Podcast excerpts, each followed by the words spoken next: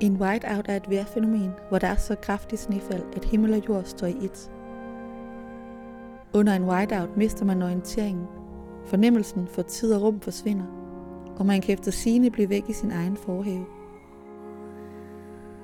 I forestillingen Whiteout er vi som tilskuere fanget over to døgn i et grønlandsk langhus, mellem virkelighed og fiktion, drøm og vågen tilstand. Mens stormen raser udenfor, vækkes historier til live fra fortid, nutid og fremtid. Fragmenter af myter, beretninger om overlevelse, nyheder fra et fiktivt fremtidsscenarie, musik og sang væves sammen. Velkommen til denne 22. udgave af Lydkunst, som denne gang tager dig med i teatret til en utraditionel forestilling, hvor skuespillerne er erstattet af lys, lyd og rum. Så kan jeg lige til start fortælle... Jeg har inviteret min kusine med til aftenens sceneforestilling på Husets Teater. Decemberaftenen virker bælmørk og vinden hård, da vi bliver guidet over Halmtorvet til forjen i Warehouse 9, hvorfra vores rejse skal begynde. Her på den her sende. Vi kommer ind i en foyer og får øh, høretelefoner og sådan en lille maskine. På den her knap kan I regulere lyden. Så hvis I og øh, for at vide, at vi skal tage høretelefonerne på. Og så starter der med at være øh, en historie fortalt af en mand om øh, den her by eller det her område. Østgrønland, du nu. Hvor, øh, hvor at der bor nogle mennesker, som, som ligesom lever i isolationer, mens hele verden udvikler sig og øh, du nu betyder bagside. udforske andre dele af verden, så har lever af den her by isoleret. Det er her, du er. Det er verdens ene. Det er begyndelsen. Og vi bliver så, øh, efter han har fortalt historien færdig, bliver vi så ført først udenfor. Vi skal ud på en øh, lille gåtur. Og så ind af en, af en gang, og øh, for enden af gangen er der en, en lem, som vi skal gå igennem. Kom ind. Kravle igennem. Og vi kravler ind på nogle bløde madrasser, bløde stribede madrasser, og kommer ind i det her meget hyggelige store rum. Sneen er der? Med, øh, med sådan sofaer hele vejen langs med væggen. Find et sted at sidde. Til skoen af, hvis du vil. Og så sætter vi os og, øh, og har stadig høretelefoner på. Og en kvindestemme fortæller så historier fra det her hus, som skal forestille at ligge på Grønland.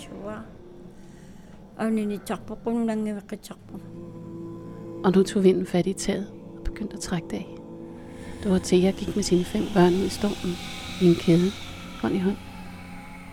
Det mindste barn løftede sig fra jorden, men Dorothea var ikke længere bange. Bag Whiteout står scenograf Lisbeth Burjan, som fik ideen til forestillingen efter et ophold i Østgrønland i 2013. Min første tur derop, det var ligesom, der var jeg fuldstændig sådan, bare på undersøgelser, at finde ud af, hvad er Grønland, og, og det har altid optaget mig meget at, at lave sådan øhm, dokumentaristisk research på mange af de rum, jeg har lavet, hvor jeg tager ud og snakker med folk, og tager billeder hjemme hos folk, og finder en eller anden lille detalje, jeg forstørrer. Eller jeg arbejder meget sådan med at, at komme ud steder og samle materiale, tage det med hjem, bearbejde det, og så skabe en ny fiktion. I august i år rejste hun igen til Østgrønland. Denne gang i selskab med radiodokumentarist Rikke Holt. De to besøger landsbyer, nedlagte bygder og indsamler historier, billeder og genstande vi vidste ikke helt, hvad det var, vi gik efter. Altså, vi havde nogle, læst en masse om stedet, inden vi tog afsted, og så havde vi den her idé om, at vi skulle til de her bygder og ligesom få en inspiration og overnatte der. Og... Vi havde en fornemmelse af, hvad det var, vi ledte efter, men der var også rigtig meget, som vi ikke vidste. Øh, så det var, det, da vi rejste op, så, øh, så var det meget med, med meget sådan åben sind, kan man sige. Så på en måde så ledte vi lidt efter spor af en svunden tid det er så sjovt, når man kommer ud og oplever en natur, der er så ekstrem og så voldsom. Så bliver det lidt sådan, eller man får nogle mere sådan eksistentielle tanker omkring, øh, hvorfor man er her, og hvad laver jeg her, og hvem er jeg, og hvad skal jeg nu, eller at det er sådan en, en, et møde med, øh, at der er et liv, og der er også et liv, der stopper, og der er et landskab, som vil være her altid. Sammen udforsker de sprækkerne i en barsk hverdag, der trækker tråde til fortidens myter og til en universel vilje til overlevelse. Noget af det, der har været sådan stærkt for mig, er den der evne til at overleve. Altså, de har levet så barsk og primitivt. Altså, naturen er så barsk. De var nede på at være 500 mennesker på et tidspunkt, hvor de sultede så meget, så de spiste deres egen kamikker, og hvis der var et barn, der døde, så spiste de deres børn for at overleve. Altså, så vi snakker om en, en vilje til at overleve, som er helt ekstrem. Ikke? Øh, og det, det synes jeg er spændende, det der, hvad er det for en kraft, hvad er det for en... Er det de her historier, er det er det, det der giver os styrken til at overleve? At det er interessant, det der med, hvordan de... Mange af grønlænderne er, er meget kristne og bruger kirken, men så har de også samtidig sådan et, et spor af alle deres øh, oprindelige myter, og mange kender de der historier om for eksempel fjeldgængere, hvor nogen, der er døde, dem har man set op i bjergene, eller at man har personer, der har særlige egenskaber. Øhm, og det er ligesom om, de lever parallelt med de der ting. Og det er også noget af det, vi, vi synes øh, har været stærkt for os begge to, både Rikke og jeg, at, at det er ligesom om, der er nogle sprækker ind til nogle historier og til nogle myter, som vi måske lidt har glemt, eller at øh, det giver sådan en anden måde at være i verden på. Der er jo en virkelighed på Grønland.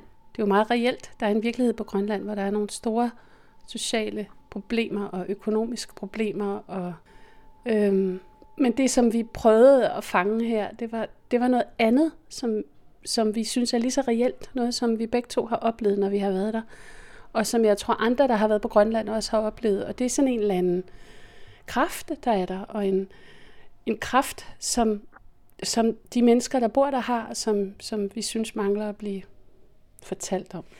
Men jeg blev optaget af at lave en forestilling, hvor det ikke kun var ordet, der var det styrende, altså hvor det også var de andre sanser, altså de indre billeder. Hvordan kan vi manipulere folk til at få indre billeder og lave pauser, så der opstår øh, rum til at tænke selv, eller reflektere selv, eller det er noget af det, der har ligesom ligget mig, mig meget øh, på sinde med det her projekt. Altså vi siger det ikke direkte, men de historier, vi har valgt, og den omstændighed, vi har sat folk i, det kredser om det.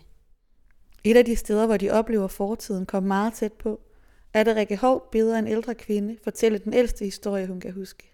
Og så fortæller hun den her historie om, om, om kajakmanden, øh, og, og den menneskeædende kvinde.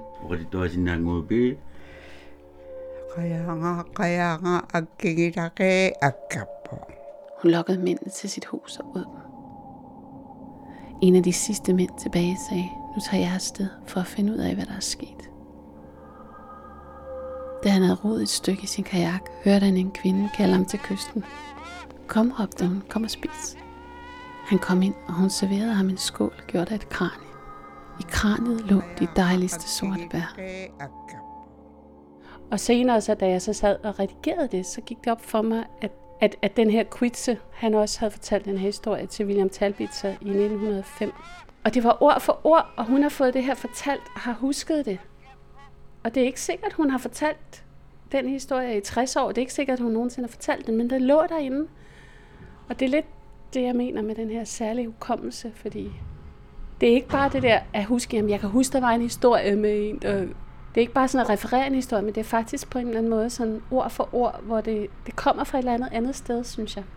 Og lige der, der var det sådan den der fornemmelse af at være forbundet til den gamle tid, hvor måden at fortælle historier på, og måden at, og ligesom at forholde sig til fortiden og nutiden, og, og ligesom at forbinde sig til det, har været så anderledes end det, jeg har prøvet, når jeg har snakket med folk og arbejdet med historier i andre dele af verden. Rummet forestillingen udspiller sig i er bygget op på baggrund af en optegning lavet af Gustav Holm, den første dansker, der kom til Østkysten for 130 år siden. Og der lavede han en tegning, som øh, den måler 9 gange 5 meter. Øh, der har boet 38 mennesker herinde, hvor man kan se, hvor mange, det er jo så op til otte familier. Og deres, øh, hver familie var adskilt af et, et tyndt skin, der ligesom hang og adskilte rummene. Og da jeg fandt den her tegning, så blev jeg sådan, what? Altså, hvor er det sindssygt, at de har levet så tæt. Og øh, sådan meget mørke huse, der var ikke vinduer i. Og øh, der hang ligesom trænlamper, som gav et, et svagt lys, som de også øh, kogte deres kød og spæk over de her lamper. Så man kan sige, at grundplanen af huset har ligesom givet en størrelse på det faktiske hus, vi sidder i. Og vi har så valgt, at der kun skal sidde 30 mennesker, fordi moderne mennesker måske ikke er til at sidde så lidt lige ved nogen, de ikke kender. Og på et tidspunkt bliver vi spurgt, om vi vil have noget suppe. Der er et, et køkken for enden af, i den ene ende af rummet, hvor der står en gryde på et blus og koger. Man kan også dufte, der er sådan lidt en duft af mad. I må være sultne og tørstige. Og øh, vi går op og henter suppe, og sætter os tilbage på vores pladser der. Jeg tror ikke, der er noget øl. Men jeg fandt noget suppe. Jeg har varmet det. Ved første øjekast virker rummet hjemligt og simpelt, med smalle briks og sælskin på gulvet. Men som forestillingen udvikler sig, fornemmer man et ekstremt kompliceret setup. Der er fire, vi kan se herude, vi kan være, vi skal se udenfor. Der har vi nogle fire store subs i hver hjørne. Så vi spiller jo både lyd i hovedtelefonerne, og så har vi lyd, der kommer ud fra rummet, og lyd, der er inde i rummet. Inde i rummet har vi to radioer, en, en moderne radio og en sådan fra 70'erne. En gruppe turister er siden i formiddags meldt savnet i området omkring Amma Salik. En helikopter fra Air Greenland deltager i eftersøgningen. Og så herudfra kan vi simpelthen blæse så meget lyd, så væggene og det hele vibrerer. Det er også muligheden for, at det panorerer, at det bevæger sig rundt. Så at, at stormen på den måde også bliver fysisk i kraft af lyd.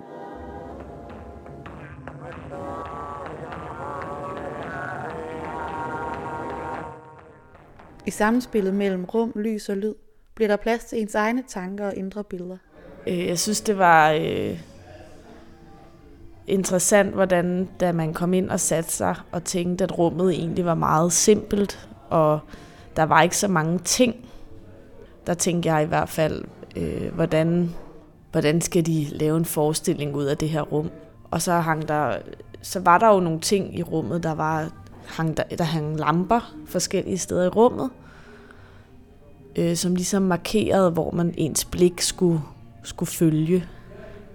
Øh, det synes jeg var, også var rigtig godt lavet, at man følte faktisk, man sad i et hus på Grønland, og at der ikke var nogen mennesker i Miles omkreds. Jeg synes, det er interessant at prøve at lave fortællinger, hvor man arbejder med folks indre billeder, og også gøre det i en rummelighed, altså hvor man sidder i en installation, og så prøver at arbejde med perception, og hvordan kan man modellere folk hen til at føle noget bestemt. Altså det der med at, at gå helt ind i fortællingen, og ligesom forestille sig de her ting, folk beskriver.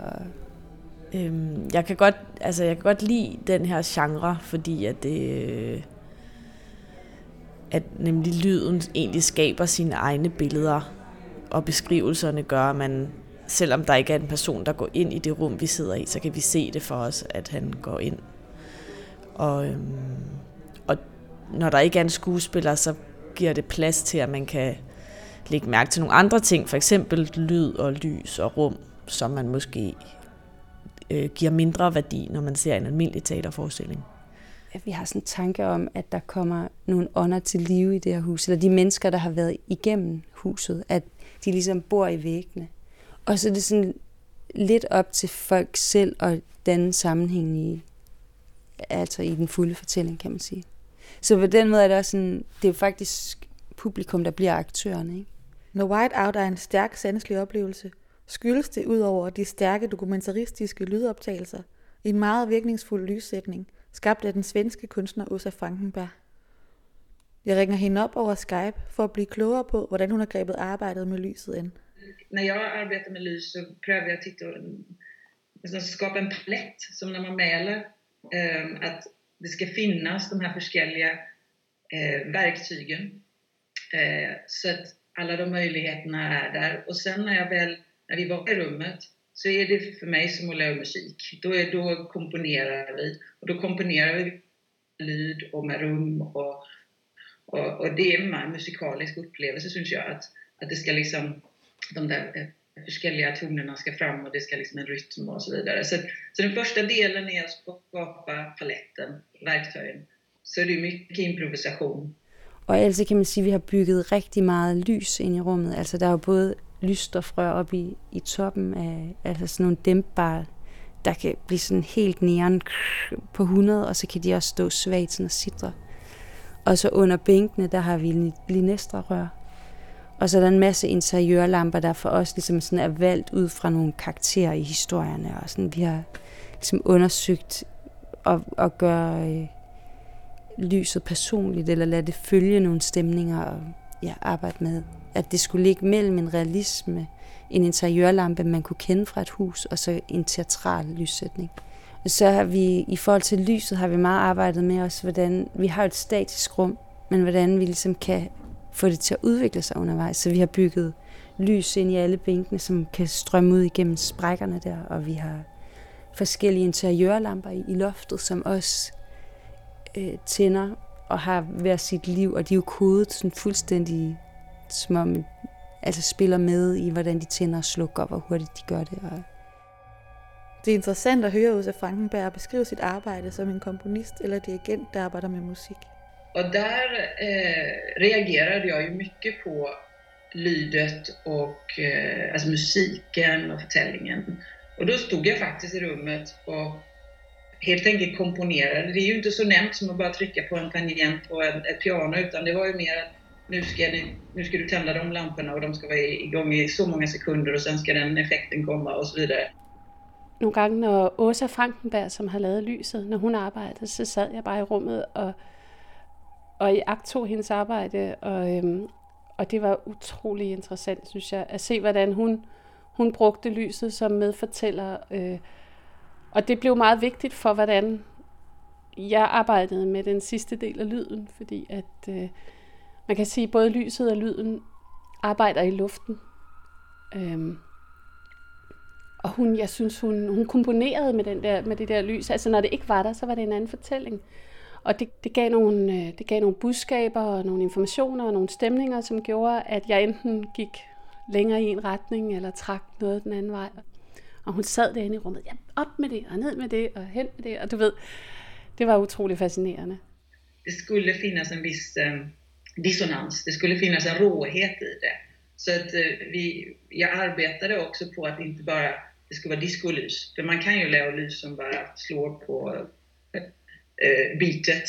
Mm. Men det var inte det vi var ute efter utan det skulle liksom vara en annan rytm som en motrytm mot musik och mot... Eh, och det, så, så, så, på ett sätt, det är väl det jag kan tänka att jag reagerar på den rytm och på den intensitet som kommer från men så är det inte bara liksom att para ihop den, utan att jag kommer med en annan rytm kanske, som, som kan ge en annan eh, dynamik till det, eller liksom, motspel. Så det är som att rummet får, ett, får sitt eget liv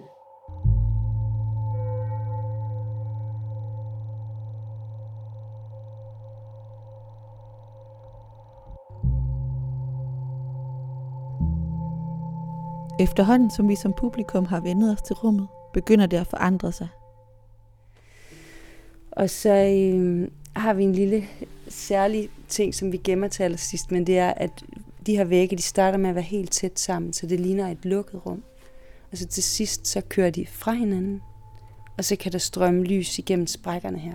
Så ligesom om, at rummet ekspanderer, og så er der en masse lys uden for rummet, som bevæger sig. Så at vi går øh, fra sidde i mørke til at kunne lade lys strømme ind, og altså vi, at vi laver sådan et rum, der pulserer og bevæger sig.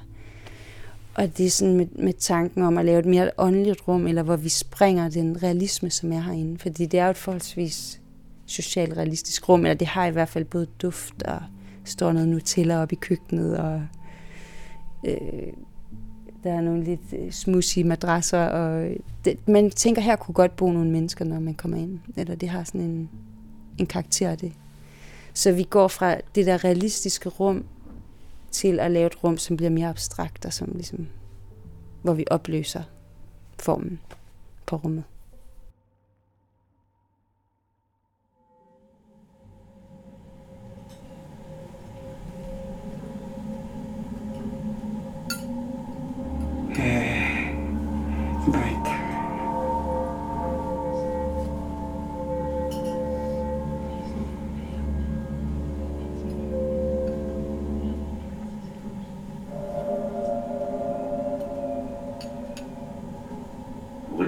Sinamubi.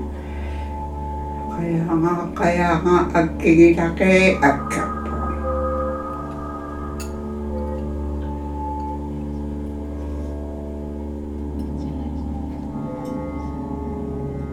Kaya nga, kaya nga, agkigilaki, agkapo. Og det her uvær udenfor, det tager, tager ligesom til. Og det, det vises, eller det kan man fornemme ligesom gennem lyden af vinden, der, der tager til, men også en følelse af, at vinden nærmest banker sådan uden på det her hus, som vi sidder i. Og øh, der er også en masse lys, både inden i rummet og uden, udenfor, der, øh, der begynder at lyse ind gennem sådan nogle sprækker i huset, som man ikke har lagt mærke til, men lige pludselig så kommer der bare sådan væld af lys ind mellem sprækkerne. Og det er som om, det, det, det starter med at være meget realistisk, og så lige pludselig så bliver det hele bare sådan et stort væld af lys, der kommer fra sprækkerne, og lyd i det her rum. Inde bag ved ruderne, der har vi et hvidt rum, som er sådan et snerum, som øh, vi til sidst, øh, der falder pladerne af, og så tænder vi det der lys, så det står sådan en skærende kontrast til det mørke, vi har siddet i. Så det er lidt sådan en effekt, vi har gemt til sidst. Og, og vi bliver også lidt forskrækket nogle gange, og lige pludselig kommer der et mega kraftigt lys gennem en vinduesrude, og man har lige siddet i, i den her skumringsmørke og forestillet sig, at man sad på Grønland, og det hele var mørkt og koldt, og man var helt alene, og så kommer der meget kraftigt lys fra vinduet, og vi sad alle sammen og missede med øjnene, og kunne slet ikke se noget, og det blev mere og mere surrealistisk, og, øh, og måske er det, var det sådan et forsøg på at vise den her mærkelige situation, som øh, forestillingen hedder White Out, og det handler om, at himmel og jorden ligesom går i et i den her snestorm, og det var på en måde den følelse, man måske har, når man får det der hvide lys i hovedet, at man er bare midt i en snestorm, og det hele er bare hvidt og overvældende.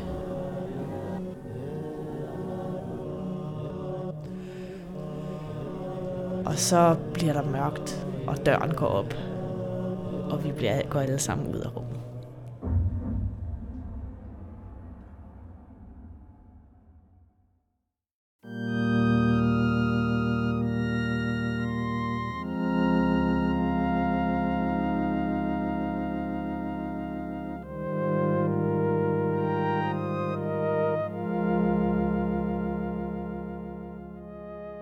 Det var alt for Lydkunst i år. Musikken til Whiteout er produceret af Mark Solborg.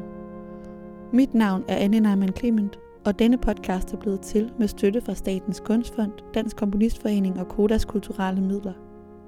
I redaktionen sidder også Line Møller Lauritsen og Mathias Vasborello, og vores kending er lavet af Jeppe Møller Lauritsen. Du kan følge Lydkunst på Facebook, SoundCloud og i iTunes, hvor du også er meget velkommen til at komme med feedback eller tips til vores arbejde. Glædelig jul og på genhør til næste år.